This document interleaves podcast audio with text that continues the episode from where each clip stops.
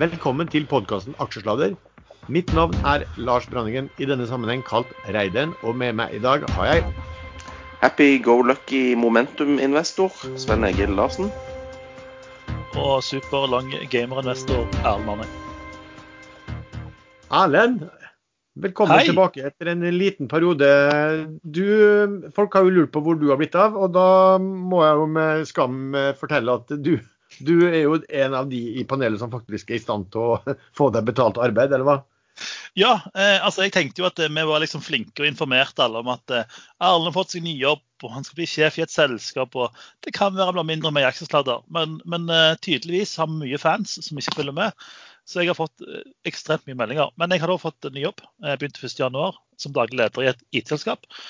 Og eh, dessverre så må man av og til prioritere betalt arbeid eh, versus eh, det som er morsomt. Så da er jeg mer innbytter når andre som ikke har ærlig arbeid, ikke kan være med. Fordi at eh, herr Henriksen han er ikke her i dag. Han har, har vi satt på innbytterbenken denne, denne episoden. Men eh, Erlend, du, eh, ja, du, du har jo egentlig brukt å være programleder. Nå er det jo opp til meg, og du har jo alltid spurt meg da om, eh, helt uforberedt hver gang, eh, om, om jeg kan fortelle da disclaimeren. Så da kan jo du prøve den i dag. Ja, det skulle jeg gjerne ha gjort, men noen har fjernet tilgangen min til notatene, så jeg har ikke disclaimeren foran meg. Men eh, vi kan jo prøve den fra hukommelsen. Eh, vi gir ingen råd. Eh, ja, der stoppet jeg faktisk, så det var godt å få slått litt tilbake, men da kan jeg fullføre. Dersom du hører på hva vi sier her om markedet, aksjer, enkeltaksjer og ikke minst livet for øvrig, er ansvaret helt og holdent ditt eget. Eh, Når vi spiller inn programmet, så kan det forekomme feil i det vi sier av eh, informasjon. Panelet og panelets gjester kan være lang, kort, direkte eller indirekte eksponert i aksjer, selskaper og produkter. Ja vel. eh, jeg satt og så bare sånn kjapt på eh, I dag er det jo en eh, bra børsdag, men eh, siden eh, forrige helg, så, eller forrige fredag, da vi spilte forrige, så er vel børsen sånn ja, litt svakt ned. Eh, Sven, hva har du gjort i uken som gikk? Nei, det er jo det vanlige, det, da. Jeg handler litt aksjer og deltar i noen IPO-er. Og, og dumpe IPO-ene på åpning. Er ikke det vi ble beskyldt for å gjøre her i en eh, lite morsom video som ble laget av noen fans. Ehm, jeg husker ikke helt nok en gang hva jeg har vært med på og hva jeg har gjort, men ehm, eh, det, jeg tror det var Jeg tror jeg tjente penger på det. Bortsett fra denne ene IPO-en denne Integrated Wind Systems. Den ble, den ble dårlig. Så den, Men den røyk. Ja, Men hev du på, på perma du den ut med en gang? Jeg måtte jo det. Han åpna jo på emisjonskurs. Ja. And it's gone. Ja. Men, men, men, når, men bare når det blir sagt, så du nevnte jo denne videoen, så da kan jeg jo anbefale det. Det er noen som har lagd en liten, eh, hva skal vi si, eh, manipulert, artifisiell, intelligent eh, video fra med oss live som spiller inn eh, aksjesladder. Veldig, veldig morsom. Tar Jeg syns ikke, han var så veldig intelligent. Ja, Han tok jo deg på kornet, så da, da, det, kan, da, det kan jo stemme. jeg, jeg syns har reflekterte intelligensnivået ganske bra, jeg. Men det var vel slemt å si, jeg vet ikke. Det er en grunn til at du ikke får være med på hver episode. Erlend. OK, var det sånn det var, ja? OK. Men jeg kan si da til dere som lytter at eh, hvis dere går inn på incurate.com, eh, så ligger den i toppen der. Altså incurate med inqrate.com. Da kan dere se en sånn helt kort video eh, på toppen der, og forhåpentligvis få dere en, en, god latter på det. Du tenkte ikke å lage en, en tjeneste som det gikk an å stave seg fram til sjøl, liksom? Du måtte ha noen kuer og noen engelske ord som folk ikke forstår hva betyr, osv. Eh, ja, jeg måtte faktisk det. À la la Google. Ja, men Google, det høres jo Altså, folk skjønner jo det, men Incrate, eller hva det heter for noe, det er vanskelig. Incurate. Ja, men hva betyr det? Betyr det noe? Jo, det er, for, det er egentlig to forkortelser. Det ene er jo investor, investment, inn. Ah, Og det er curate, det er curate, det vil si at man tar videoer for, for beregnet for investorer, og så organiserer man det. men det skrives ikke det Ja, men det skrives med C. ja, ja. Jo, men du vet at man bruker jo nå for tiden å endre på ting. Men du har en annen en også. Du har det som heter inquire, INQ, og Ja. rate, vurdere. Så du har liksom du har en uh, mangedobbel betydning her, da. Hvor mye betalte du for å få, få det navnet, liksom? Uh, det betalte jeg han som starta det selskapet, for han fikk seg en god middag. Ah, OK. Det vil si meg selv. sånn er det. Sånn er det i gründernes verden. Eh, Erlend, har du, har du mellom jobben har du rukket å gjort noe i markedet i uken sier du? Ja, altså jeg, eh, jeg bestemte meg egentlig i slutten av fjoråret for å ta en litt mer passiv eh, tilnærming til markedet. Fordi eh, når du faktisk må jobbe og levere, så er det å sitte på ekstramester hele dagen, det er ikke, det er ikke teknisk mulig. Men jeg har gjort to ting siste uke. Det er to klassikere som har, har debutert eh, på trades. Eh, det ene er jo Kitron, eh, verdens kjedeligste aksje som bare stiger over, sikt, over tid. Den hadde en ganske bra dypp, så jeg kjøpte den. Og Så kom det plutselig et kursmål på 25, så den steg voldsomt. Så jeg tok en, en kort trade der. Ble et par kroner. Hovedgrunnen til at jeg faktisk solgte den, selv om man ikke nådde kursmål, er det at Kitron er jo avhengig av eh, disse elektroniske tingene som det nå er stor mangel på i hele verden. Og selv om Kitron har kjørt ganske store lagre for å være eh, forberedt på sånne mangler, så tror jeg de vil bli rammet av det. Så jeg tok de kronene jeg fikk og var ganske fornøyd. Den andre er selskapet som Sven trodde var en rusbrus første gang jeg nevnte det. Det er Starbris. Eh, var et veldig stort svensk spillstudio. Eh, gikk på en gigasmell eh, pga. ekstremt dårlig ledelse. Eh, de har ligget litt i vakuum de siste månedene. Eh, annonserte de skulle begynne med sitt nye spill, Payday 3. Alle som har fulgt selskapet vet at de trenger to, en av to ting. Enten en massiv emisjon eller en eh, veldig gal eh, partner som på en måte kan eh, funde spillet og, og, og, og gi det ut. Eh, Min logikk var ganske enkel. Eh, Svenskene er verdensmestere på pumpeaksjer før de skal ha emisjon, så jeg gikk inn for å være med på den oppturen. Jeg solgte meg ut litt før toppen, men denne uka ble det annonsert at Kork Media, som er eid av Embracer, skal gi ut spillet i 2023. De er fullfunda. Og da skjer det som ofte skjer, nemlig sell on news. Så aksjen stupte massivt. Eh, så det var, det var to gode trader, i en periode hvor jeg ikke tradet så mye. Så det er jeg ganske fornøyd med i disse røde tidene som vi nå har sett. Bra.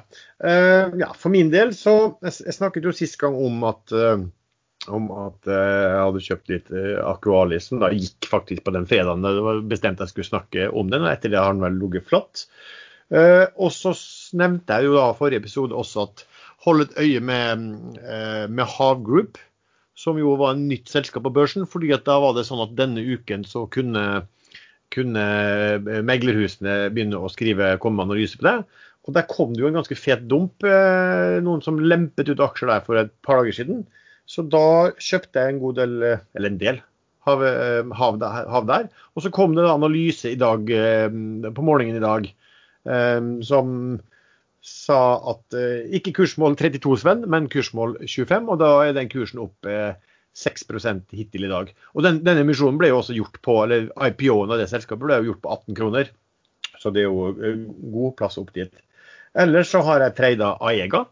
eh, Fordi jeg så at dette Norsk Solar skulle på børs, og prisingen de hadde. Og det tilsa vel at Aega, som hadde da eid 6 av dette, investerte investert 20 mill., de satt med en ja, 16-18 millioner kroner i eh, gevinst, urealisert gevinst basert på, det, basert på den IPO-kursen som de prøver å få til. Og det utgjør jo da en ja, drøye 30 øre per aksje. Men kursen hadde falt så ut, så folk hadde helt fått med seg det. Så da kjøpte jeg det. Og så kom det jo, nevnte jeg det på, i, i chatten ekstrainvestor også, at det er jo faktisk større eiere der. Så da gikk jo den kursen og steg jo en god del mer enn, de, en, en, en gevinst skulle, tilsi. Så da ble det and it's gone der også. Eller det er ikke helt riktig, jeg har, faktisk litt igjen. Um, og så har jeg solgt meg ut av Goodtech uh, fordi at jeg orka ikke mer. Um, og så, men der kan jeg jo fort komme tilbake igjen når som helst. Og så har jeg kjøpt uh, uh, Aker Clean Hydrogen. Uh, og uh, det jo ikke, var jo ikke store analysen bak det. Uh, det var fordi at den hadde falt da fra um, hva var det, 16 var ikke det da? Jo, 16 i IPO-kurs og ned til uh, drøye 11. Eh, og da var det også sånn at denne uken her så kunne da, det var fem meglere som var med og henta 3,5 milliarder til det. Elendig, altså helt elendig eh, hvordan denne aksjen har gått.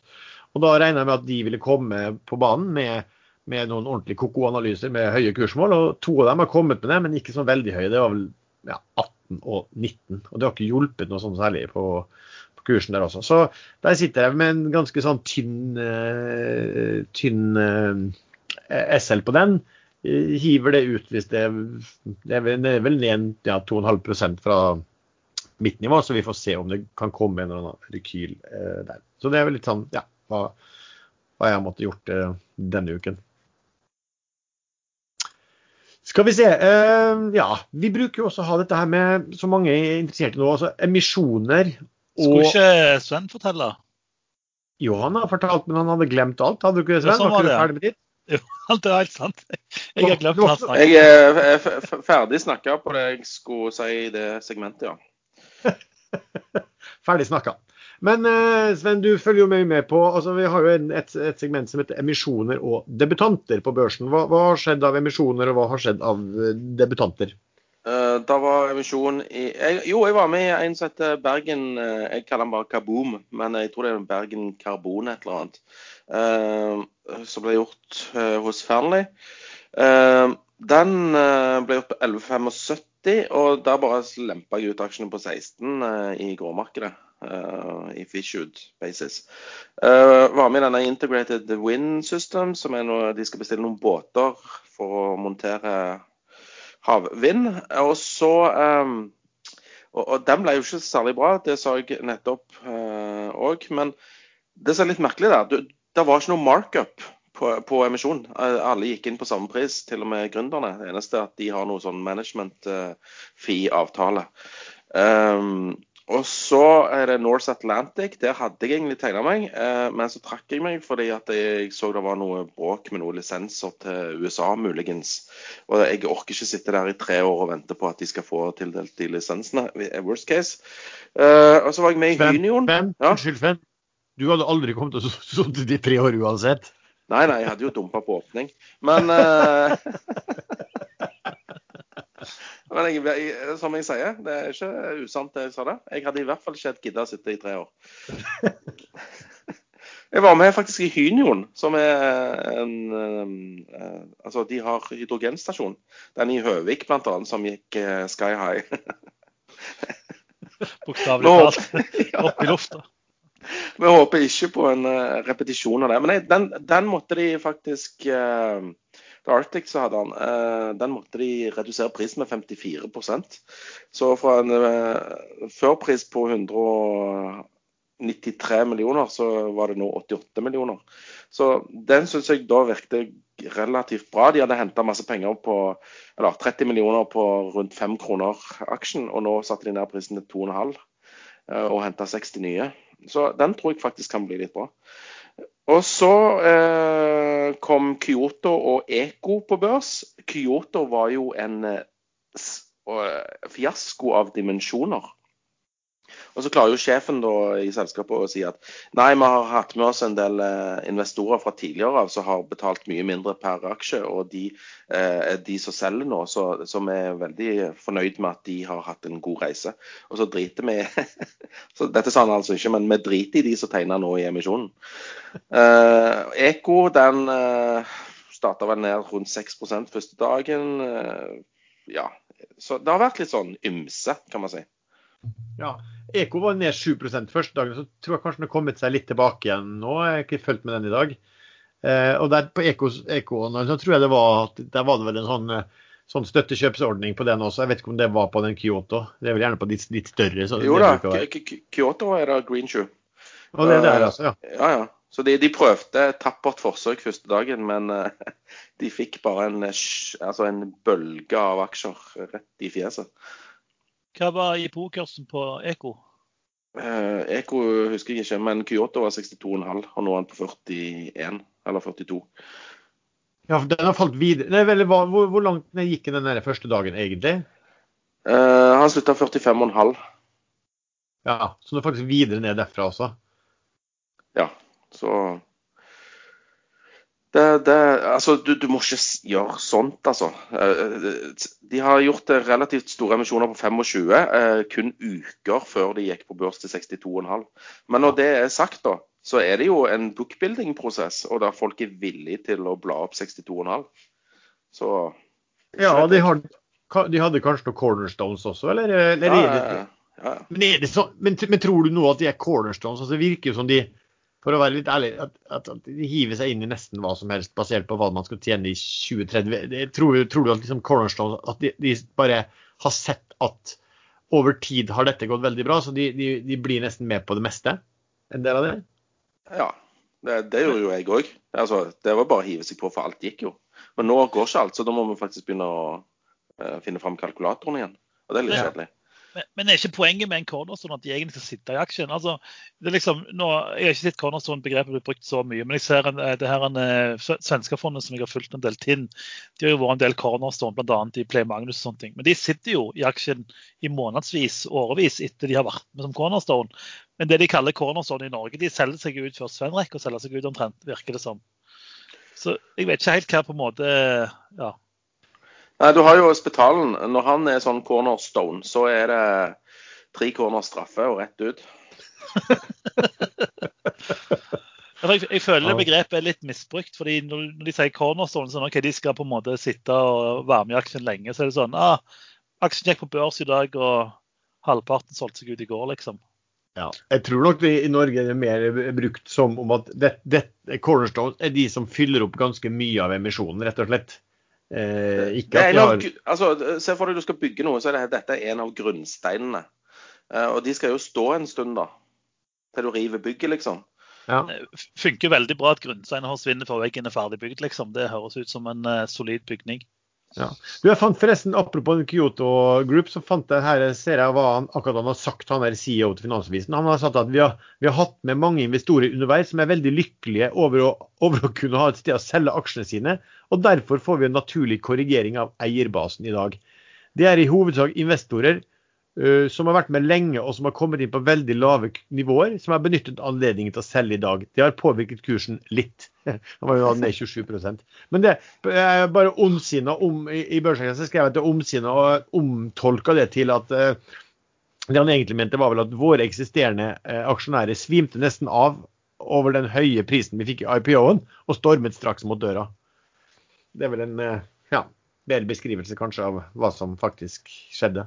Vi ler hele veien til banken, ha-ha. Ja. Uh, men Sven, uh, så det vi kan se, er, er, jo i hvert fall at de som har debutert på børs denne uken her, har vært meget svakt. Generelt. Det, det, er korrekt observert, Lars. Ja. Men du, var, var, ikke du med også på Det jo, har jo vært nedsalg også. altså i ikke, De henta jo penger også, men Wow var jo på banen og hentet penger og, og gjorde nedsalg blant de større aksjonærer og ledelsen også. Var jo, du med på den? Jeg var med i Wow, ja. Men det var veldig mye pga. at jeg hadde satt en short samme, samme ettermiddag. Og jeg følte på meg at det kom en emisjon, og det stemte. Ja, for at du hadde skrevet inne på Ekstrainvestor eh, flere ganger at eh, først skrev du at denne uken kommer det, og så det, samme dagen som kom, så skrev du vel at eh, Jeg, jeg skrev jeg, klok klokka ti på morgenen skrev jeg var villig til å vedde penger på at uh, Wow kom med emisjon i dag. Ja. Var, det var noen som vedda imot deg? Nei, men jeg, det, jeg, jeg, var villig til å vedde penger, altså sette penger på at de skulle komme. Det var derfor jeg shorta. Det var det sånn jeg satte pengene. Men hvorfor var du så sikker på at du skulle komme den, den dagen? Eller, Fordi at de hadde gått inn i indeks dagen før, altså i OCBX-indeksen. Og samme dag eh, hadde de presentert seg på DNB sitt SMB-seminar. Så hvis de skulle hente penger, noe vi visste de måtte snart, eh, så um, måtte jo dette være den eh, optimale dagen å gjøre det på. Mm. Fordi at de de, det har vi jo du vært gjennom før også, at når selskap blir tatt inn i indeks, så innebærer det at forvalterne må kjøpe det. Du får et etterspørselspress på det. Ja, ja, ja. ja og, og, og, kursen var opp en del i forbindelse med at de gikk inn i den indeksen, så alt talte for det. Ja da, den gikk jo over noen dager, så gikk den jo fra, fra 47 opp til over 52. Um, og så, eh, og så henta de penger. Og de henta penger da på 40 Ble det 45? Det ble 45, ja. Nei, 46. 46, ja. Så eh, jeg tror jeg så på, på det at på eh, analytikerne sine optimistiske tall for 2021, så tilsvarte det en PE på eh, 100, sånn cirka. Ja, billig, med andre ord.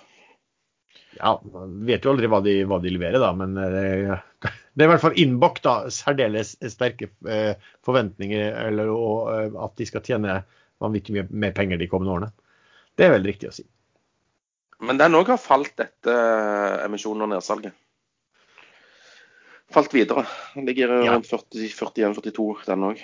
Den har det. den har det. Um, så det har ikke vært noe sånn heldig en, en heldig uke. Og det, og det vil vel kanskje påvirke de som nå er på gang og skal hente penger og som skal på børs.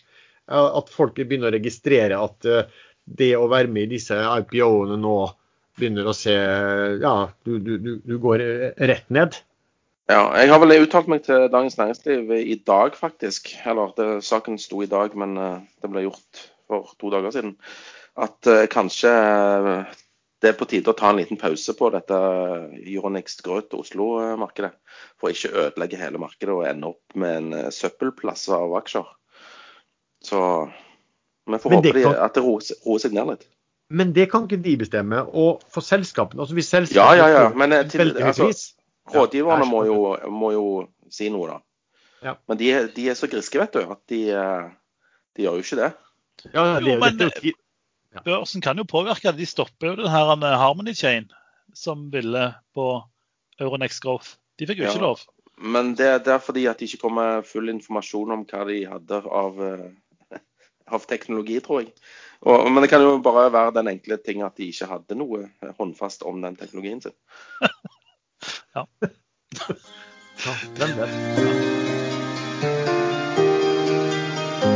Denne episoden er sponset av CMC Markets. Og med oss eh, i dag har vi jo sjefen for CMC, Henrik Sommerfelt, som kan fortelle litt om hva dere holder på med. Hei, Lars. Eh, Jeg tenkte å si litt om kostnadene våre denne gangen. Eh, Siden vi har over 10 000 instrumenter i plattformen, så beskrives den spesifikke kostnaden per instrument i produktoversikten inne på selve plattformen. Der kan man se alle kostnadene som, som potensielt kan påløpe. Men generelt kan man si at spredd, kurtasje og finansieringskostnader er de viktigste begrepene man må kjenne til. Spredd er eneste transaksjonskostnad på indekser, råvarer, valuta og kryptovaluta. Spredd er forskjellen mellom kjøps- og salgskurs.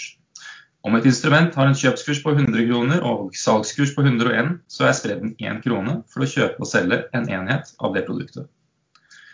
Kurtasje inntreffer kun på enkeltaksjer og ETF-er. På nordiske aksjer, inkludert norske, er kurtasjen 0,04% og minstekurtasjen er på 39 kroner. Mens på amerikanske aksjer er den 2 cents per aksje og en minstekurtasje på 10 dollar. Dette er også for ETF-er. Finansieringskostnader inntreffer kun på posisjoner man holder over natten, altså etter klokken 11 norsk tid. Man betaler for giringen i prinsippet.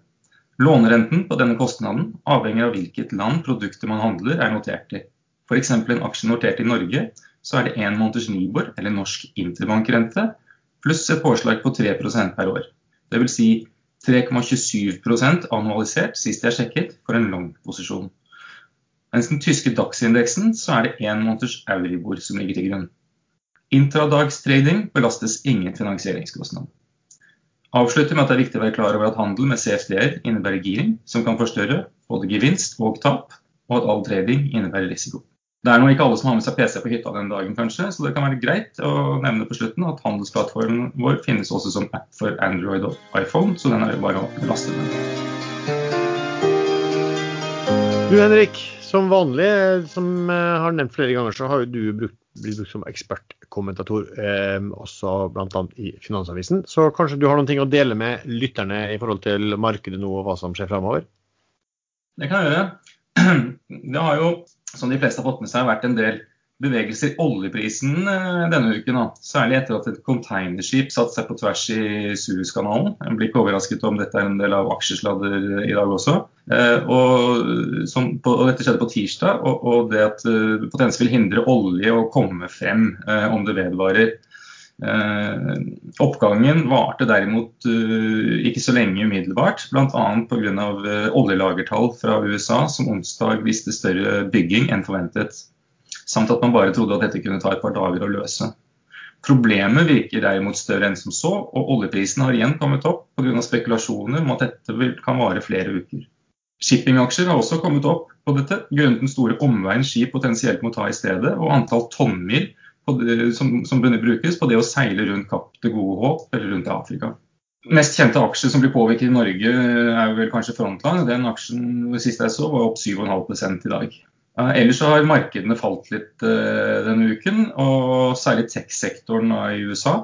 Uh, så man kan si at Nasdaq har vært ned 4% mot Dow Jones er ned bare 1,2 Eh, og, og, Man begynner jo å se enda mer på fundamentals i selskapene, og at ting ikke kan vokse inn i evigheten.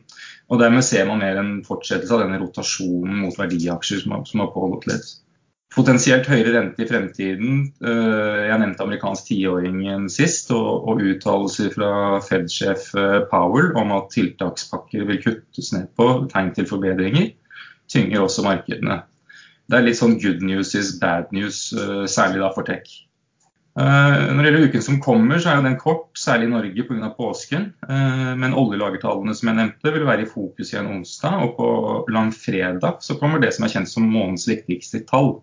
Nemlig amerikanske non-farm payrolls, eller på norsk sysselsettingstall utenom jordbrukssektoren. Her er det estimert at det blir skapt 500 eh, 000 nye jobber, mot 379 000 eh, nye jobber måneden før. Veldig bra. Tusen takk, Henrik. Vi, vi, snakket jo sist gang, og vi hadde jo også tittelen deep, deep, Shit Driller, altså Deep Value Driller, eh, som både vi tegna i, begge vi to, Sven, og så gikk den jo eh, bare rett ned med en gang. Eh, og så kom det jo da ut eh, nå hvem som hadde solgt, og, og hvordan, og vakte den reaksjonen. Kan ikke du bare fortelle litt om det, Sven? Nei, Det var jo han eh, straffeeksekutøren eh, Øystein Spetalen som bare dumpa ut alt han hadde. Uh, og sier selv han tapte million og syntes det var helt fair. Men måten han solgte på var veldig aggressivt og uten å ta hensyn til sine 130 nærmeste aksjevenner og uvenner. Uh, så uh, nei, meget spesiell oppførsel. Og han har jo fått en del kritikk for dette her, og stemningen er litt sånn sur, for å si det mildt. Blant finanskjendiser på Oslo vest? Ja. Og, òg de eh, som ikke er så, så kjendis og bor på Nesodden og, og Ræge og sånn. De er heller ikke særlig blide. Bare så dere vet det. Nei, altså, men, men nå, nå, sånn, altså, det var vel litt, det som var litt spesielt der, hvis, hvis, hvis det var riktig det sto Finansavisen, var jo at de som er initiativtakerne bak Deep eh, Value, de sitter i kontorfellesskap med Spetalen, sånn som jeg forstår det. Eh, og klart Da er det jo litt spesielt at du det ble jo solgt som om det ikke var spesielt interessant å få best mulig kurs. Det kan vi være enige om, eh, Sven? Ja, så det må jo ligge et eller annet bak, tenkte jeg da. Og det tenkte vel du, egentlig du òg. At eh, noen har kanskje har kommet med en eh, sur kommentar om at han så litt Altså, har du klippet deg, liksom? Og så hadde han ikke det. Og så ble han sur, og så solgte han alle aksjene. Så ikke vet jeg. Nei, og det er jo fair. Det er jo sånn, du, du, du kan jo også smekke ut aksjer, eh, men, men Jo, men jeg har ikke så mange. Nei. og her var, her, var det jo, her var det jo faktisk litt etterspørsel da, på, på aksjen også, hvis bare, bare, du ikke tenkte å selge absolutt alle med en gang. og Være en stor og selge alle med en gang. Så da, da, har det kommet noen artikler da, i, i, Finansavisen, og han var ute og forsvarte seg, han også, om at han, han sa at han kjente de som satte i gang. Han støtte, ville støtte dem så de, de kunne få gjort emisjonen. Og så syntes han kanskje ikke det var øh, øh, ja, virket så bra annonseinteresse som han hadde trodd, og da smelte han ut og, og tapte mild på det, og, og, og, det var fair. Så har det jo vært veldig mye sånn sutring, da, anonym sutring blant hans uh, venner slash uvenner om dette. Men man kan jo se det på en annen måte. at altså, hva han gjør uh, Hvis du har veldig tro på, på um, selskapet, aksjen, om én smekker ut noen aksjer, så, så blir jo ikke selskapet, aksjen uh, sånn, Selskapet blir jo ikke noe mindre verdt. Og, og, hvis man syns dette var veldig billig på 8,50, så kan man jo tenke seg at så fint at han vil selge på under 8, for da kan, vi, da kan vi få kjøpe enda mer billige aksjer. Det er jo en måte å tenke på det også. Ja, hvis det har vært 8,50 i utgangspunktet, da. Uh, og så har det altså bare også litt om markedet. så kan jeg bare nevne at Det har vært snakk om altså, vi, er, vi er nå helt i slutten av kvartal én. Og man snakker om rebalansering. Uh, og det betyr følgende altså at Ofte så er det altså pensjonskasser og uh, forsikringsselskap og den biten der. De har en andel som skal plasseres i gjeldsinstrumenter, altså obligasjoner, og en andel av porteføljen i, i, i aksjer. det som har skjedd i første kvartal, er at aksjen har gått opp. Eh, og mye altså av disse obligasjonene har falt i pris. Ergo har balansen blitt forringet.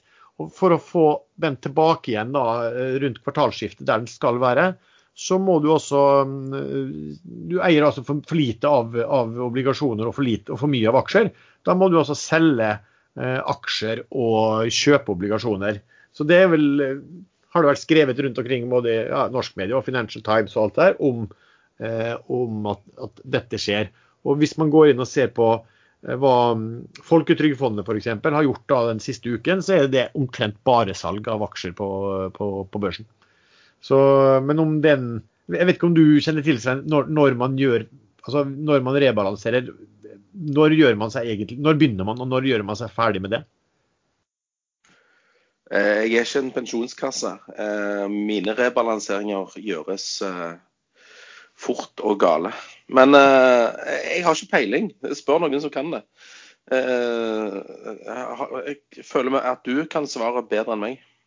Ja. Det, nei, jeg vet ikke hvordan det, det sto vel at man begynte gjerne før kvartalet, men jeg vet ikke hvor lenge det uh, Det er jo ikke sikkert det, ikke sikkert det ble noen rebalansering her. Det er, bare, det er bare spekulert i det. Og forrige kvartal så tok de feil. Det ble ikke noen rebalansering. Men eh, Folketrygdfondet de er jo eh, norgesmestere i utlån av aksjer. Så hvis eh, alle tror på en rebalansering, altså at kursene skal ned, så er det jo det førsteplassen man går og låner aksjer for å shorte. Ikke sant, så, Det kan jo være noe også. Men nå er det jo bare svakt ned da, den siste perioden. Kanskje litt mer, litt mer usikkerhet i, i, i, markedet. Men rebalansering er jo interessant. da, for det, det, Du har jo sett at sentralbankene brukte jo det under når, når markedet falt voldsomt. Litt sånn som man burde skjønne litt mer av i tid. Men at de gikk jo inn da og så kjøpte de eh, obligasjoner i markedet for å få dratt opp prisen på den. Og ergo så var det mange som da eh, hadde for mye obligasjoner og for lite aksjer for at verdien på aksjene har falt. Og så måtte de kjøpe aksjer. Så det er liksom en måte på, selv om da ikke en, en sentralbank eh, går inn og støttekjøper eh, aksjer direkte i markedet, så kan de bruke den, så kan de altså kjøpe obligasjoner Eh, og få dratt opp prisen der, og på så måte tvinge aktører til å kjøpe aksjer. Så det er jo en måte å, eh, å gjøre det på også. Vi har et annet sånt moment her. Eh, støkk i Suezkanalen. Sven, hva har skjedd? Ja, ja. Nei, det, du vet han der, Husker dere han der italienske kapteinen eh, på Costa Costa, Costa Concordia? Han, ja. ja. ja. Han har fått sin nye jobb da. Han eh, har begynt for de der Evergreen. Og så skulle han kjøre en båt da fra Asia opp til Europa. Og så glemte han seg ut et lite øyeblikk, og så kjørte han rett på grunn. Så nå sitter han der, da.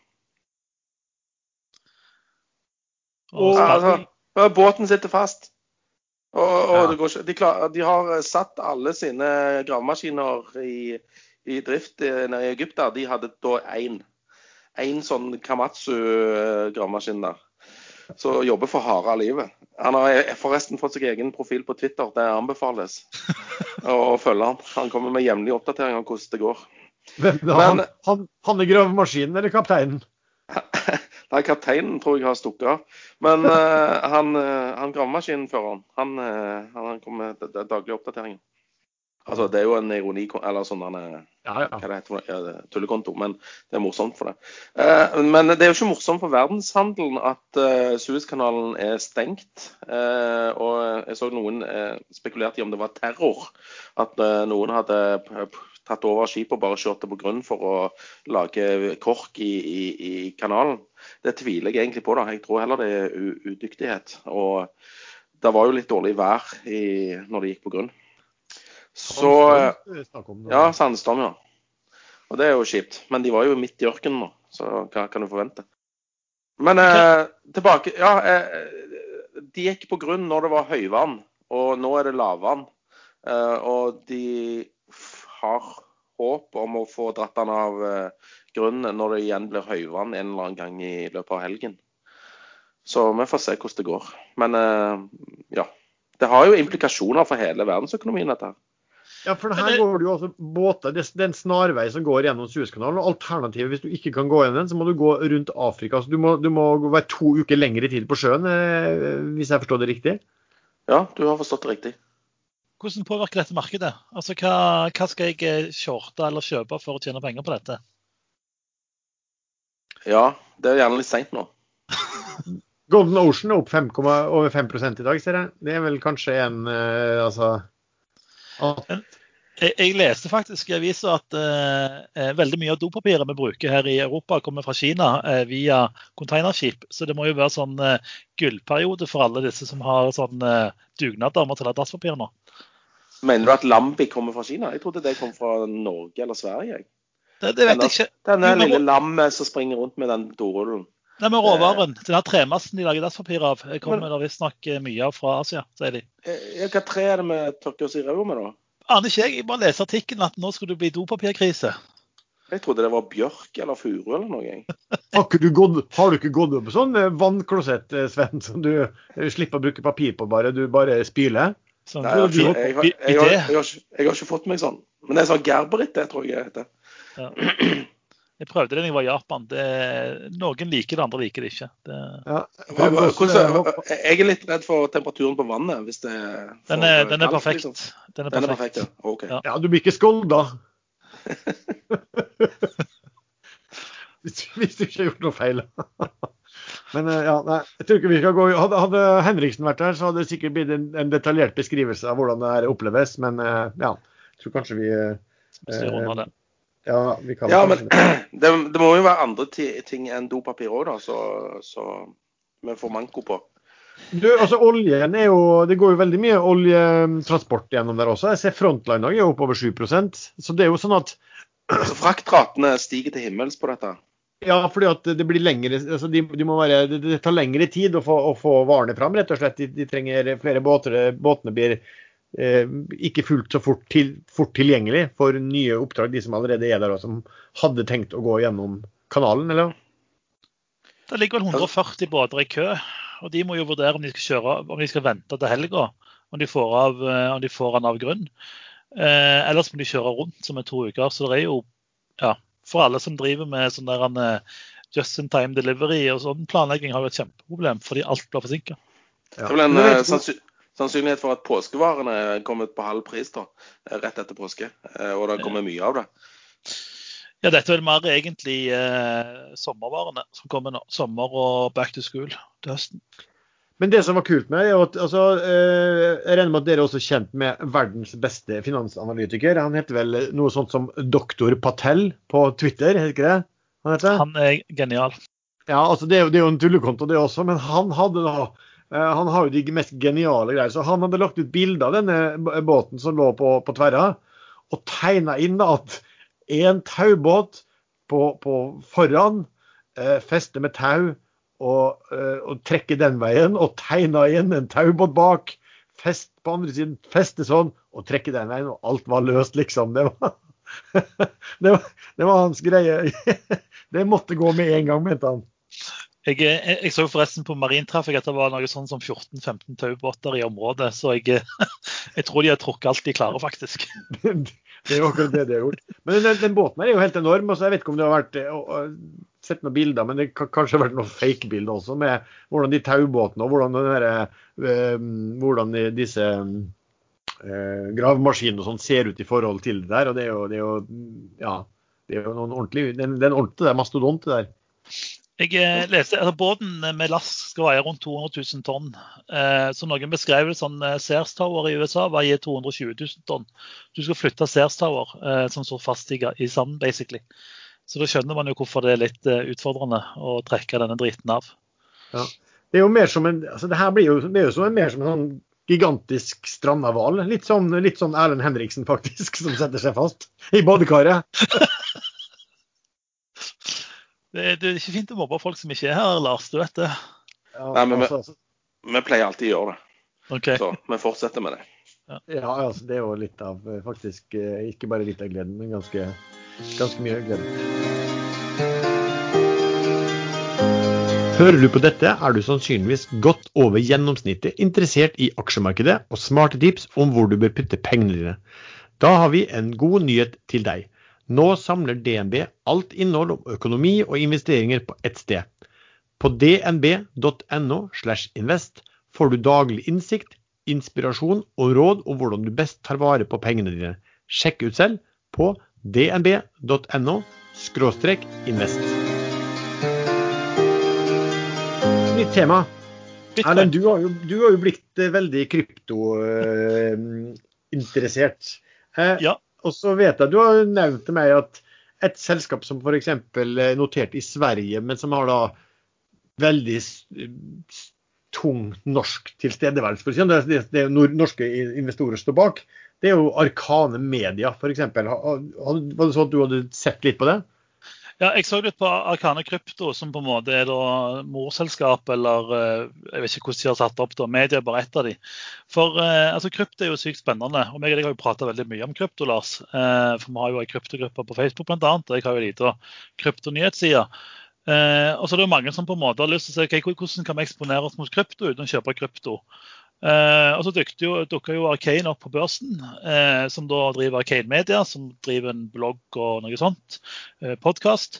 Eh, de har Arcane Research, som driver med litt sånn eh, analyser og rapporter. Og så har de vel en eh, Kaupang, den her OTC-forhandleren sin. Eh, og så de priser 5 milliarder. Og så kommer jo det Q4-tallet som kommer, og så omsetter de vel egentlig mindre altså Omsetningen totalt er vel mindre enn en pølsebu.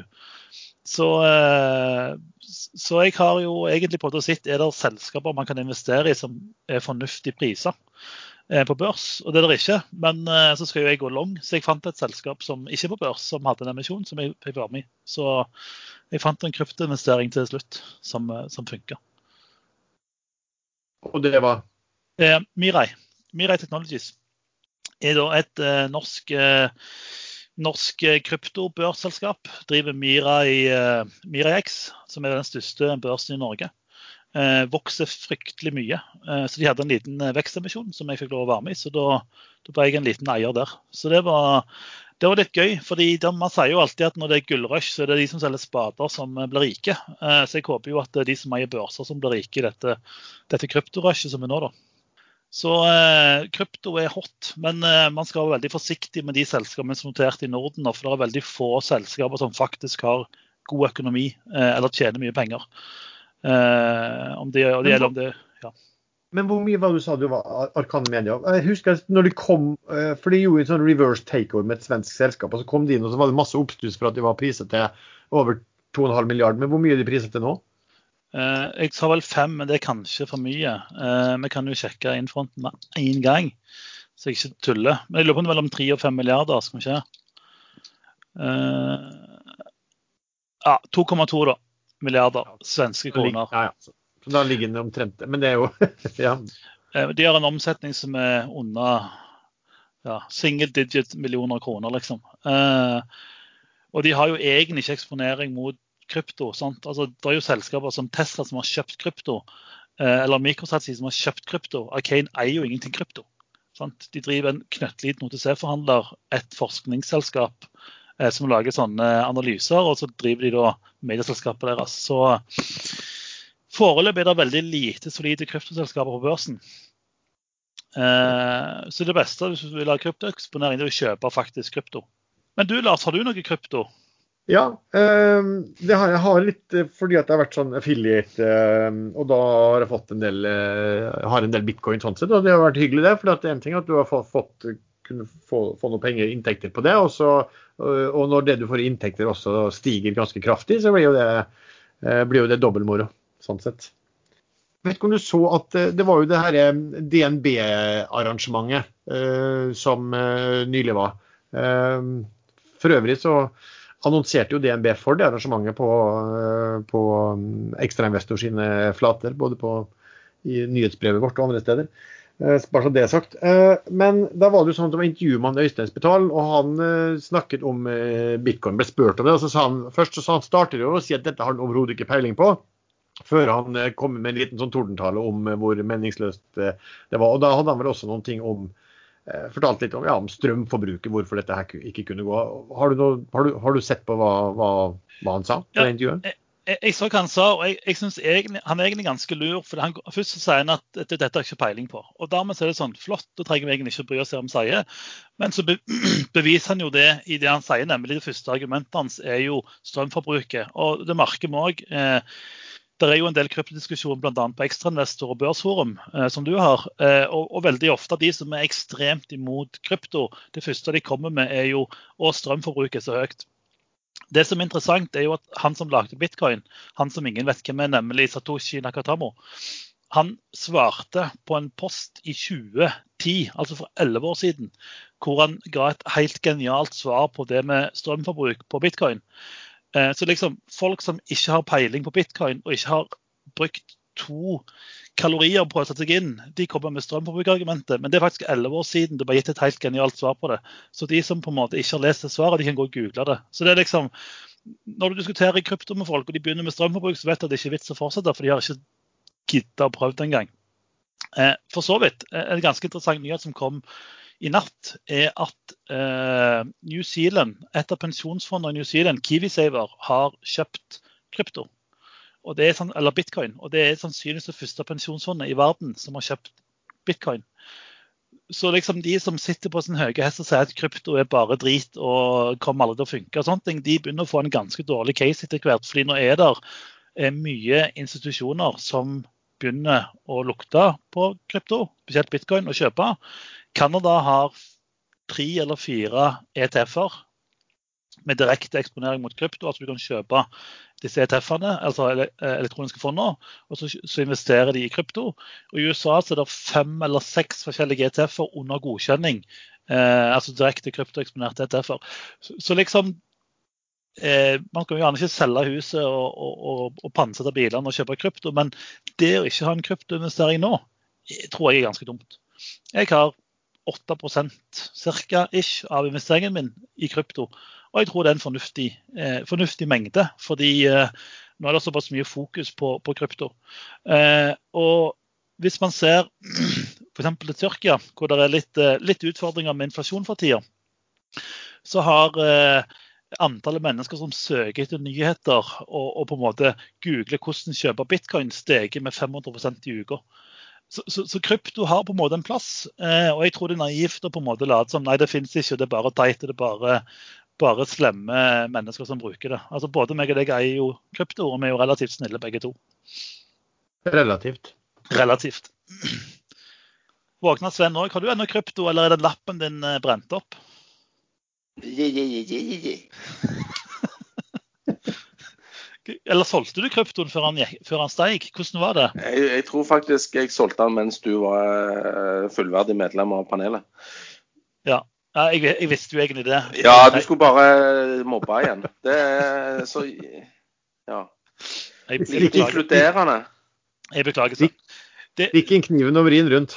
Ja, det som er, er jo gøy, da, er jo at eh, hvis du hadde beholdt den kryptoen, Sven, eh, så kunne du jo bestilt deg en eh, ny Tesla med den kryptoen senere i år, når Tesla åpner for krypto, eller for betaling i bitcoin i resten av verden. De åpna jo på mandag, eller tirsdag, eh, denne uka for betaling med bitcoin i USA. Så, så ting går framover. Spennende. Når blir det forbudt, da? For jeg, jeg begynner å bli lei av hele den kryptogreiene. Ja, eh, det er jo noen land som prøver å forby det. Nigeria forbød det her for noen uker siden. Og der har eh, handelen eh, steget med ja, absurde mengder prosent. Så hvordan, hvordan skal du forby det? Altså, Da må du jo forby internett, stenge ned internett. Du kan ikke forby det.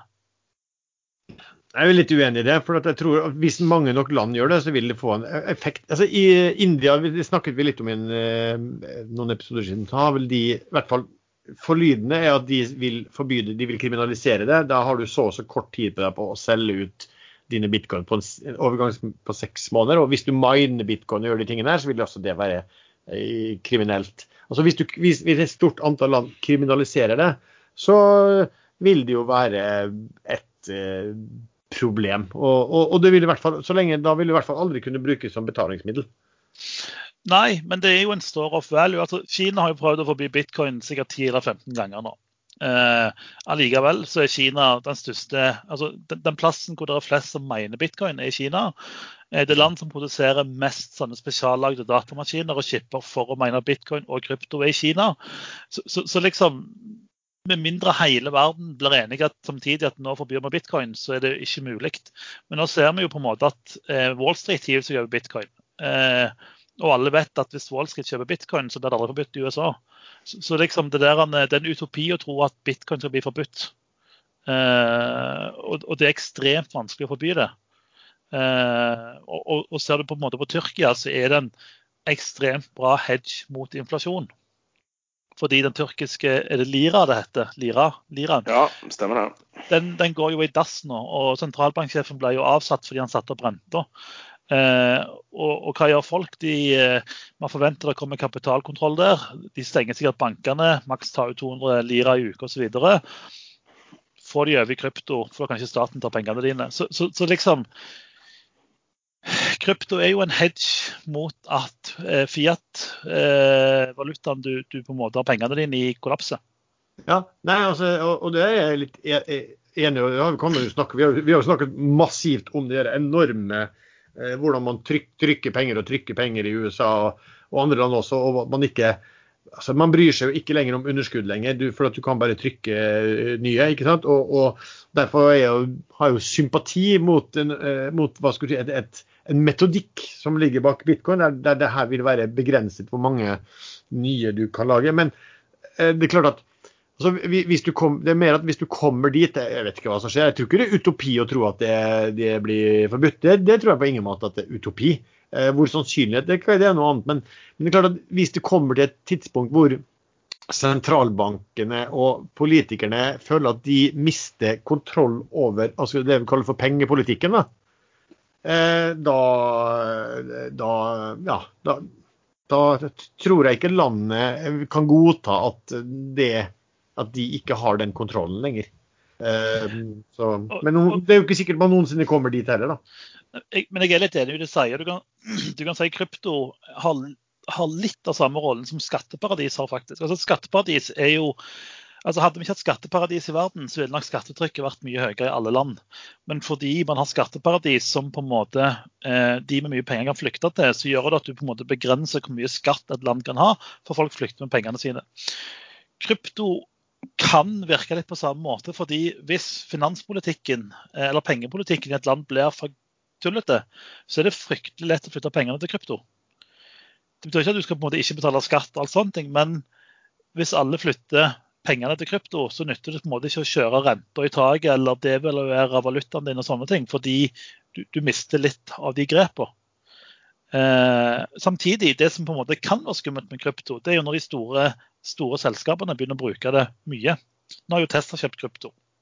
Eh, og de som leser ARK Research sine rapporter, altså som hun her Kate Wood driver med disse fondene, de har jo skrevet om det at de tror eh, kryptovaluta blir eh, corporate cash.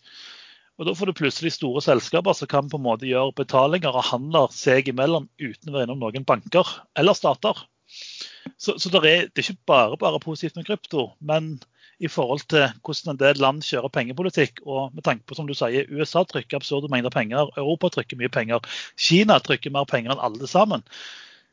Så jeg tror krypto er fornuftig. Eh, 1 i krypto det er fornuftig. Og så har man en hedge mot at alt går galt. Vi kan snakke litt om dette med koko-kursmål eller blue sky-kursmål. Vi har jo nå sett eh, at det har kommet ganske mye analyser i det siste. som Vi har vel snakket om det, Sven, at de kursmålene er, helt eh, ko-ko. Hva, hva, hva, tenker du på det når vi, når vi liksom prater om den type analyser nå? Vi venta jo på koko-kursmål i Aker Clean Hydrogen. Jeg var jo såpass frampå at jeg eh, lagde en Twitter-avstemming om hvilket meglerhus som kom til å komme med det høyeste eh, kursmålet i Aker Clean eh, Hydrogen. Og det var veldig jevnt fordelt da mellom de forskjellige meglerhusene. Men så kom det jo kursmål, og jeg hadde vel tenkt at nei, det blir vel sånn 50-60 kroner i hvert fall eh, i kursmål. Og så kommer det i 18 og 19, de som var kommet. Og da ble jeg litt skuffa. Det var jo ikke særlig ko-ko. Men eh, heldigvis så har vi Sparebank1 Markets, da. Fordi at eh, de har òg eh, tatt et selskap som heter Circa, Circa Group på børs. En avspinner fra Norske Skog. Eh, og de kommer med dette kursmålet på 32, som Lars sier, og sier den kan gå ti ganger, og aksjen bare går til himmels. Så Koko-kursmål er, er, bra, men dårlig håndtert håndverk av tilretteleggerne bak Aker Clean Hydrogen. Hva var kursmålet sa du sånn på Clean Hydrogen? 18 og 19. Jo, men Ligger ikke den i 11 kroner, da? Det er jo bare opp eh... Ja, Men du er jo på samme tikroning. Altså 11-18. Altså, det er jo ikke Men, men, ja. men kan, kanskje det de sier er at eh, Aker Clean Hydrogen er seriøst overpriset på 11 kroner? Så derfor er kokomålet bare 19. Jeg tror ikke de, Det er jo derfor vi sier Koko-målet, at det har vel kanskje ikke vært sånn det har vært ganske grenseløst hva man har satt som kursmål i det siste på en del aktører. og eh, kanskje når man begynner med sånn at de, For disse skal tjene penger i 2030, som har vært det i en del sånne eh, tilfeller. Nå kom vel, Pareto kom vel med noe med på, på, Prime i dag. Jeg husker ikke hva det kursmålet var på. Ja, kjøp kurs 150. Eh, aksjen er opp eh, 16 eh, i dag. Så det, dette hjelper, folkens. Vi må sette litt mer luftige mål. dette er veien å gå. På Prime, men hva, Prime, hva, hva ble den um, satt på i IPO-en? Det, det, husker vi jo ikke. Nei, det var sikkert uh, sikkert lavere, det også. Det er jo også denne, altså på, på, jeg snakka bare litt om Aker Clean Hydrogen i stad, men det, det, er litt sånn morsomt bare å illustrere. For reelt sett, det som Aker har putta inn Eh, i Aker Clean Hydrogen har jo halvert seg siden, eh, siden de gikk på børs. For de gikk på børsen med en eh, verdi på 8 milliarder, og så henta de inn da 3,5 milliard. Og nå prises vel dette selskapet til 7,5 milliard. Men da har de jo fortsatt tre, altså de 3,5 milliardene som nye investorer kom med, ligger jo der fortsatt. Så du kan si at det som Aker som hadde som bidrag av som ble priset til 8, det blir priset til 4 per i dag. Og så er det jo litt sånn det var flere det som, som, siden det har falt så mye, det gjøres støttekjøp. Det skal nok fortsatt gjøres støttekjøp fram til 9.4. Så er det liksom et sted snur dette her, og nå må fem store meglerhus som var med, komme på komme dette, dette kursfallet til sterk assistanse. Og så, og så, var det jo da mye skriving og fliring på Ekstrainvestor at ja, vi fikk kjøpe. Og, og sånn, du, du, du, la vel ut også på, sånn på Twitter meningsmåling om hvem som kommer høyest. og det var liksom, ja, noen, noen, må jo komme med et ordentlig koko-kursmål, og det er vel da Koko-kursmål er jo da usedvanlig høye kursmål på eh, litt vidløftige betraktninger om inntjening og markedsandeler, gjerne om ti år. Men eh, hva, er det som skjer den 9. april? Er det da tyskerne kommer i Deres aksjonær, tyskerne, eh, eller der aksjonær, kommer og kjøper opp den eh, aksjen? Nei, eh, det er siste dagen de kan støttekjøpe aksjen på. Ok. Så da faller den markant dagen etterpå? Ja, altså det kan man Et eller annet sted så vil jo de som, som har altså Alle de som kom inn i dette selskapet, alle som selger i dag, selger jo med, med tap. Eh, for den har jo bare falt og falt. Og på et eller annet tidspunkt så vil jo de som har tegna seg, kanskje synes at Eh, jeg vil ikke selv på ditt, dette nivået, eller dette begynner å bli billig. Du, du, vil jo alltid ha et eller annet hva skal du, likeveiktspunkt i, i, i, markedet også, så det er jo ikke så godt å si når det kommer. Vi har, men vi har jo tre, tre meglerhus til da, som sikkert kommer med, med noen, noen, noen, kursmål. Men det var ikke så veldig mye sus i dere 18 og 19 i forhold til, eh, i forhold til at de, de faktisk uh, henta pengene på, på 16. Nei, og også, Det vil jo ikke hjelpe heller hvis uh, Sparebank1 Markets kommer med eller øh, Jo, de var med, de òg. Eh, eh, de vil jo ikke hjelpe hvis de kommer med et astronomisk kursmål nå, for de andre liksom har på 18 og 19. Så dette caset er jo kjørt. Men, Men bare spørsmål. Eh, når de driver med sånn støttekjøp for å holde kursen helt under kollaps, hva skjer med alle de aksjene de kjøper inn? Må de selge de før eller siden?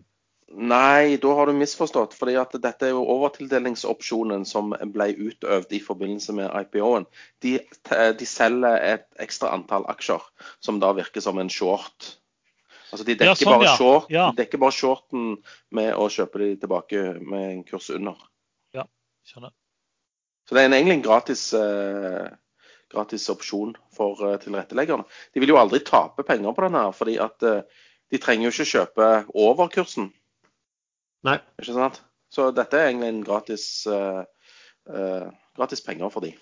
Men er det, er, det, er det, her penger som tilfaller tilretteleggerne, eller er det, hvordan vil det være sånn? Det har, jeg, det har jeg ikke egentlig satt meg helt inn i, om det er noen avtaler på bakrommet der om at uh, dette skal selskapet få, eller om det er meglerhuset som får det. Men, hvis kursen stiger mye, så må de vel altså Du sier det er en short, altså det er en overtildeling som egentlig er en short som de må dekke inn, som da er stabiliserende. Men hvis kursen stiger voldsomt, så må de jo kjøpe den tilbake dyrere enn det de fikk eh, delt ut for. Uh, ja, uh, jeg vet ikke om det da uh, Ja, det, det, du har et poeng der. Det må Nei, gå inn som Faller den bort? Blir det ikke bare det sånn, sånn, at da anser de at emisjonen ble så stor? Altså den overtildelingen ble vanlig tildeling? Det var det jeg trodde. At da blir det bare en, en del av emisjonen. Ja. Sånn, ja. Ja, sånn. Ja, jeg er med. Så den brukes bare på, på, på nedsiden. Og der er det 28 millioner aksjer er det i Aker Clean eh, Hydrogen de kan bruke til um, å støttekjøpe. Og de hadde vel brukt da 22 av de var det litt tidligere denne uken. Eh, og, så volumen, og mye av det gikk jo selvfølgelig første dagene, for da var det spesielt mye volum på det. Men så er det jo Men hva, hva, altså, en ting er jo koko-analyser, men du har jo dette her med Blue Sky kursmål som de har kommet med. altså Cirka da, som kom i går, og som, som Eh, er jo et veldig godt eksempel. Den kursen lå vel rundt 17, 16-17. Og Da kommer da Sparebanken1 initierer. Eh, det er vel noe de har tatt på børs selv, tipper jeg. En ting er at de kommer med dette her, og markedet reagerer ikke, for det kommer meldinger om at de initierer dekning. Inntil media tar opp at i overskriften på analysen så kaller de det en potensiell tiganger. Og Det er jo det de fokuserer på. At, at, uh, og det er jo det Noen meglere har begynt med å lage dette som kalles blue sky kursmål. Og det er jo veldig spesielt. fordi at, som jeg sier, at Hvis du finner en sånn en, en pølsebod uh, i Oslo, uh, så kan man, jo, kan man, jo, lage et blue sky kursmål hvor den pølseboden blir kjent for å ha veldig gode pølser, sånn at hele Oslos befolkning kommer til å gå og kjøpe pølse der. Altså, For min del så syns jeg å lage sånne blue sky og, og, og, bruke det i markedsføring, OK, ja vel. Det, men det man ser, det er jo det er en god markedsføring. altså Analysen får jo da veldig oppmerksomhet. da. Det, og, og, kursen stakk jo da voldsomt med en gang det ble kjent at man, hadde, at man snakket om en, en mulig tiganger. Jeg, jeg tenker at det virker sånn kortsiktig. Jeg, jeg tenker det, altså nå vet jo alle at det er absurde mengder retail-investorer som er på børsen for første gang. Det er bare å lese på en måte når Nordnett og de andre er ute og bare Vi har fått 40 50 100 000 nye kunder. Eh, og de leser jo veldig ofte analysene kun på overskrift og kun på kursmål, og så driter de teksten inn i analysen. Så jeg syns jo det er en uting, men det er bare fordi jeg har en viss moral, da. Men jeg, jeg skjønner jo, altså Går du inn i en aksje og det kommer et Blue Sky-kursmål som alle vet ikke er realistisk, og kursen går 40 på det, så det er hyggelig for de som er i aksjen, men det, det er jo tullete. Egentlig. Ja, jeg er jo enig i at virker jo ikke sånn kjempeseriøst. Det virker, virker jo veldig som en red, altså veldig salgsdokument, da, hvis man er litt, eh, eh litt eh, forsiktig på det. Jeg så forresten, apropos, Det var vel DNB og Carnegie som kom med disse kursmålene på Aker Clean Hydrogen. og Da skrev han Jensen i, i Dagens Næringsliv at man kunne glemme HC Andersen. Ingen skriver bedre eventyr på Oslo Børs enn DNB Markets og Carnegie. Han har, en del, han har en del slauspark på tida, han Jensen. Han må kose seg. Uh, men jeg syns han treffer ganske godt på mye han skriver. Ja, det kom også melding fra et sånt eh, hva skal si, tyngre miljøselskap i uken. og Da var det en på ekstrainvestor som, som, som, som fleip om at oi, oi, oi, dette måtte øke kursmålet så mye. fordi at her var det bare å anta en, en, årlig kapitalkostnad på 3% og så forsiktig anta en markedsandel i verden på 30% i 2030. Så skulle det bli bra, bra, bra økte kursmål, det også. Så det er litt sånn Man skal kanskje være litt forsiktig da, fra meglerhusen, at, at, det ikke bare, at det ikke blir til latter da, på, på, på hva, um, hva, de kommer med. Altså, det virker jo så lenge de trykker penger, så er det ingen som bryr seg på en måte om, eh, om eh, sannhetsgehalten i det som kommer. Men jeg er enig at det, det er litt synd egentlig, fordi eh, det finnes jo eh, analytikere som skriver gode analyser. Men, men, gode analyser må jo vike for analyser som får overskrifter. Og da er det jo sånn Denne aksjen kan gjøre hundregangen i morgen, helst. Nei, ja, det er jo litt sånn, men, men man, er ikke, man, er jo ikke, bedre sjøl enn at man kjøper aksjer for å posisjonere seg på at det skal komme noen uh, nye analyser, og, og, at man satser på at det kommer koko-analyser som, uh, som, drar kursen. Du, men Apropos det, altså, jeg har jo snakket før her en del ganger og, og, og renta om altså, EBITA-begrepet, som da brukes nå. Um, for de som vil, så kan du gå inn ut en, lagd en egen video på det, uh, som går på EBITDA hvor meningsløst det er, også i betraktning av at eh, den, den, heter vel noe sånn som de, de forsvunne utgiftene til norske børsnoterte selskap. Eh, og Der har jeg gått gjennom å se på eh, hva, hvilke, hvilke, kostnader og utgifter som selskapene har som ikke du ser i, i regnskapet. Det vil si, mm, og da har jeg tatt, for meg det de kalles for utviklingskostnadene. Som man da aktiverer og kaller som en tilgang, og så skriver man det av etter hvert. Eh, og innenfor EBITDA-begrepet så vil de da aldri noensinne dukke opp som en kostnad.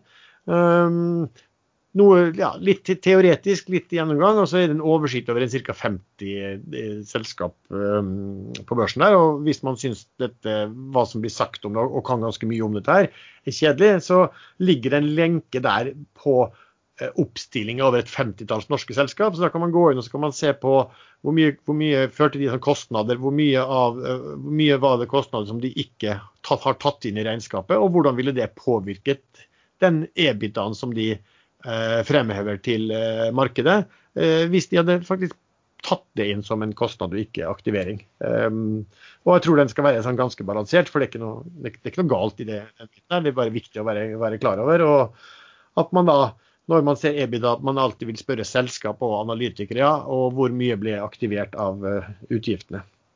Uh, sånn sett. Men den kan du finne på, uh, også finne på IQ-et hvis du vil det. Skal vi se, gutter. Um, skal vi ta og begynne å rappe opp og snakke om om man har noen favoritter for uken som kommer? Sven, har du noe du følger spesielt med på, eller som du liker i uken som kommer? Jeg vet ikke om det er spesielt for uken som kommer, men uh, jeg, jeg, kjøpte jo en del hav jeg òg, i dette nedsalget ned til 13 uh, blank. Uh, grafsa til meg det jeg kunne der nede. Har solgt litt i dag. men jeg tenker å beholde en del der. Og så i denne her Scan, Scandia Green Power, der, der er det bare selgere. Jeg bare tar imot litt aksjer hver dag. Så får vi se om den snur en eller annen gang. Jeg kjøpte òg en del eh, Proximar i går. Eh, heftig selging. Eh, og solgt ut de nå. Så det, det, er litt sånn kortsiktig trading her på gang. Så jeg har ikke noen sånn spesielle case som skal gå til himmels neste uke. Men det, er jo å følge med på disse IPO-ene, om det har gått 14 dager siden de kom på Euronex Growth. Uh, og Da kan du forvente en analyse. også Hvis du tror det kommer kokoanalyse, så kan du kjøpe der. Og så kan du selge rett Altså, du kan selge rett før analysen kommer, tror jeg egentlig bedre enn å vente til analysen kommer, hvis den blir skuffende. Hvis det blir kokokursmål, så skal du selvfølgelig sitte over analysen. da. Buy the rumor, sell the news. Ja, men nå blir det liksom forventning om kokoanalyse, så, så rally kommer på. Og ikke selve, så blir det selv på koko-analysen. Bare følg med. Ja, kommer an på hvor koko det er. ja. Altså, tenk så skuffende når du får, ikke får koko-analyse, da, så har du liksom gira deg opp for det hele uken. Ja. Og så blir det bare sånn der 70% Bare 70% økning, liksom. Ja, ikke tigangeren, liksom. Nei. Nei, det er hårde bud. Og du da, Erlend? Ja, jeg har jo i utgangspunktet en del lange posisjoner, men jeg kan, eh, kan prate litt om, om, det jeg har. Jeg, jeg har en skikkelig jalla vakuumtrade, og det er Access. Og det er kun eh, eh unge, lovende Strandval Henriksen eh, sin feil. Han sa at den skal gå masse opp, Access Geosolution, så da kjøpte jeg litt aksjer der. Har ikke peiling på han. Eh, jeg stoler kun på Jallakongen. Eh, ellers så sitter jo jeg long i det meste. har egentlig flytta 30% av pengene mine av børsen i, i dette til dette Mirai-selskapet. Eh, men jeg har to, eh, to, store investeringer igjen. Den ene er et svensk spillselskap som heter Gate, eller Gate, Jumpgate. Gate er, gate er, er tikkeren. De driver med sånn eh, M&A som er sykt populært i Sverige. Merger and acquisitions. Eh, hovedgrunnen til at jeg har kjøpt de, er det at eh, de har veldig lav MCAP. Eh, de henta penger for ikke så lenge siden, eh, og de gjorde et eh, kjøp for ikke så lenge siden, eller for en liten stund siden.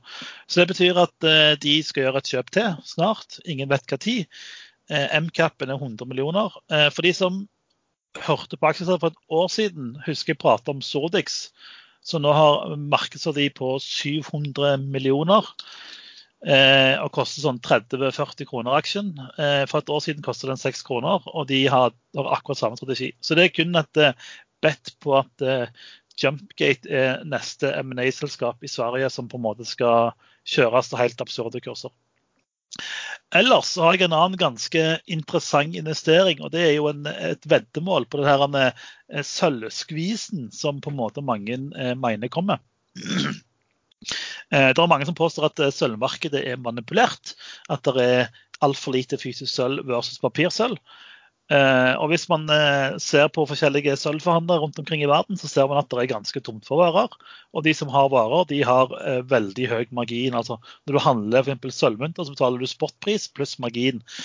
Og marginen er normalt 5-10 nå er oppe i 30, kanskje mer prosent. Så jeg kjøpte et, et, finsk selskap som driver med sølvgruver, fordi det er en, et fint veddemål der. Og så har jeg òg noen aksjer i et fond som heter PSLV. Eh, som da er et eh, sølvfond som har Altså du, ja, du kjøper andre altså Du eier sølv da, i fondet, eh, basically, og du kan kreve levering av det sølvet. Så det er egentlig min kjedelige langportefølje som jeg bruker 3 minutter og 42 sekunder i uka på å følge med på. Mm. Men var det ikke noe svensk gaming her? Jo, Jumpgate. Ah, OK.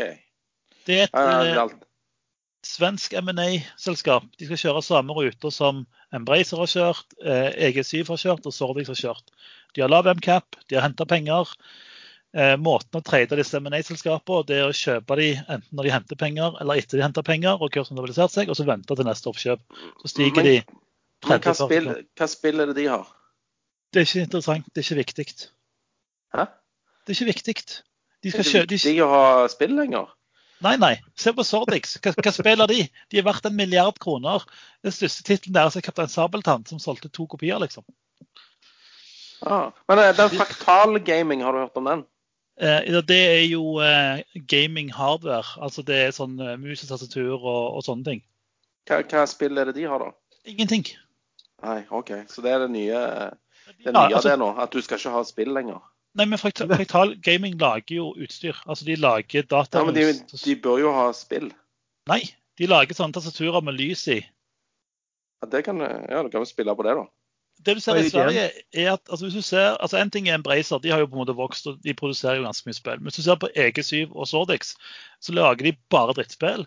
De selger nesten ingen kopier av spill, og kursen går til himmels hver gang de kjøper et studio.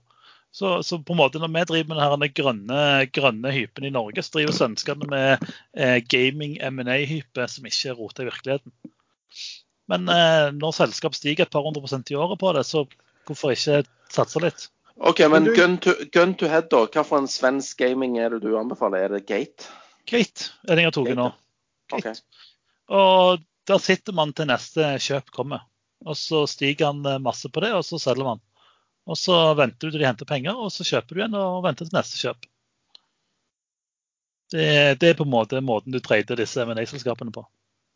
Noe mer du lurte på, Sven? Nei.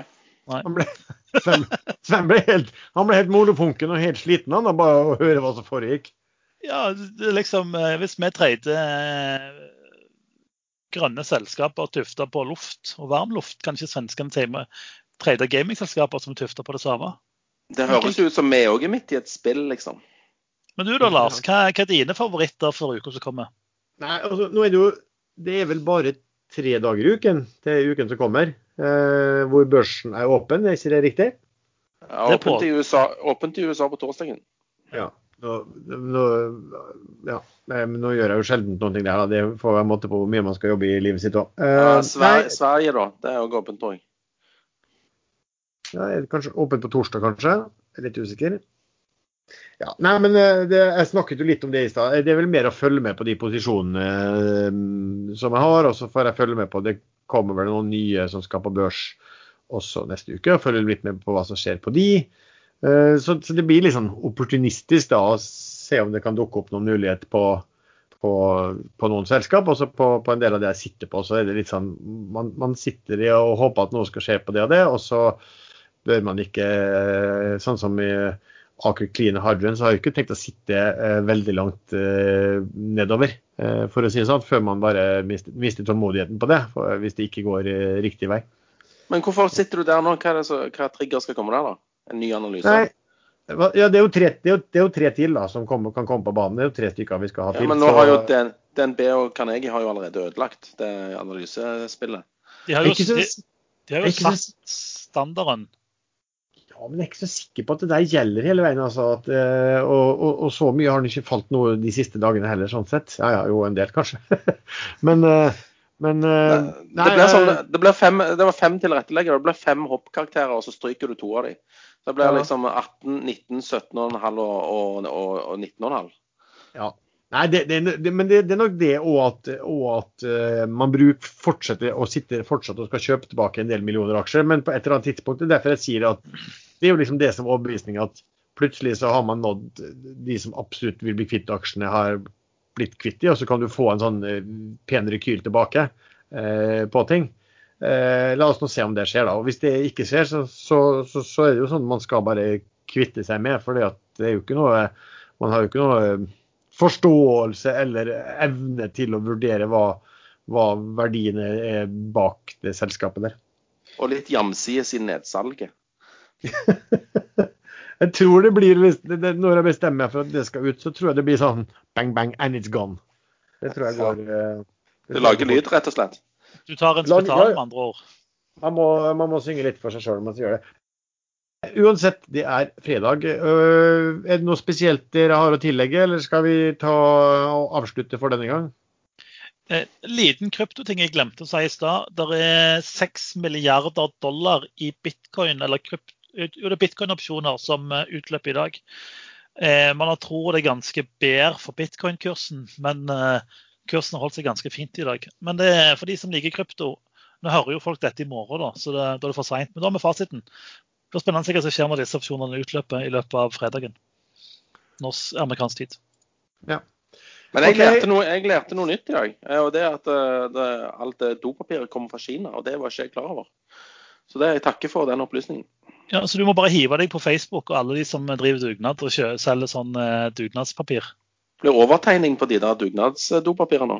Ja, eh, det er Det helt blir, bare, det blir bare sånn delvis tildeling. Nei, du fikk to, to og en halv rull. Brukes på begge sider. Ja, Æsj. OK, da takker vi så mye for, til dere som hører på um, denne episoden.